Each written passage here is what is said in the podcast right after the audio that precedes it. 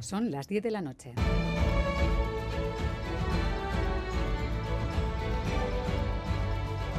Radio Euskadi y Radio Vitoria.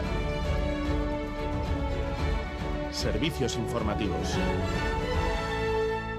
Repasamos los titulares de la jornada con John Fernández Bur, Gabón. Gabón, Miriam, noticias de este miércoles 8 de noviembre en el que comenzamos contándoles que hoy hemos recibido la confirmación del fallecimiento del bilbaíno Iván Iyarramendi. No llegó a estar secuestrado por Hamas. Él y su mujer murieron el mismo día del asalto al kibutz en el que vivían el pasado 7 de octubre. Sí, Iván Iyarramendi nunca estuvo en el interior de Gaza secuestrado. Según fuentes israelíes, su cuerpo y el de su esposa habrían sido quemados. Para poder llevar a cabo la identificación de Iyarramendi han sido determinantes las pruebas de ADN enviadas por sus familiares desde Euskadi. Los mensajes de condena se han repetido desde instituciones y partidos políticos. El portavoz del gobierno vasco, Bingen Zupiria, mandaba las condolencias a la familia de Yarramendi por el dolor que han tenido que sentir durante este mes de incertidumbre y pedía el cese de la violencia en la franja de Gaza.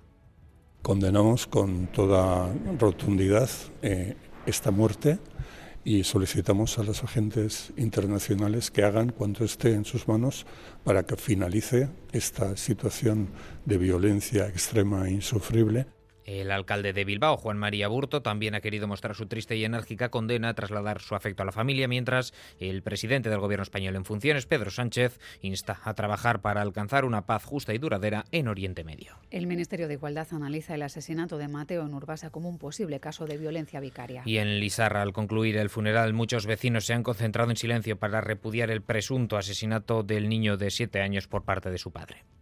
La sociedad se tiene que movilizar y tiene que ser consciente de, que esto, eh, la única manera es a través de la educación y todo eso. Es una desgracia y, estamos consternados aquí. Amorrua, en potencia. Aunque solo sea por, por, el duelo, por la protesta también y porque de una vez por todas saquemos con la violencia machista. Sí, hacer algo, sí. A ver si esto se termina de una vez. En su Icastola un ramo de flores, crespón negro y una nota con la frase Mateo Betirako gure.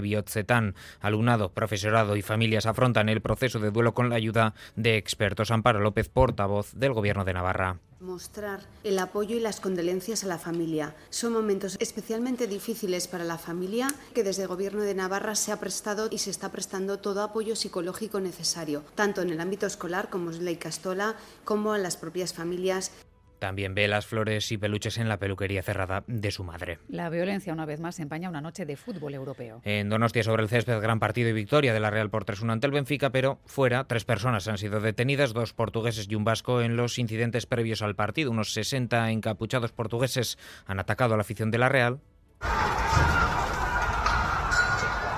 También un aficionado portugués ha sido apaleado, está herido. Se desconoce la gravedad. A esto hay que añadir dentro de Anoeta el lanzamiento de varias bengalas por parte de los ultras del Benfica hacia la zona de la grada con aficionados de la Real. Y sexta noche de manifestaciones en Ferraz frente a la sede del PSOE. Sin la tensión del día de ayer y con un seguimiento menor de 1.500 personas, según delegación del Gobierno. Ambiente sin tanta violencia, más tranquilo, con los propios manifestantes expulsando de la concentración a varias personas encapuchadas y que portaban simbología franquista.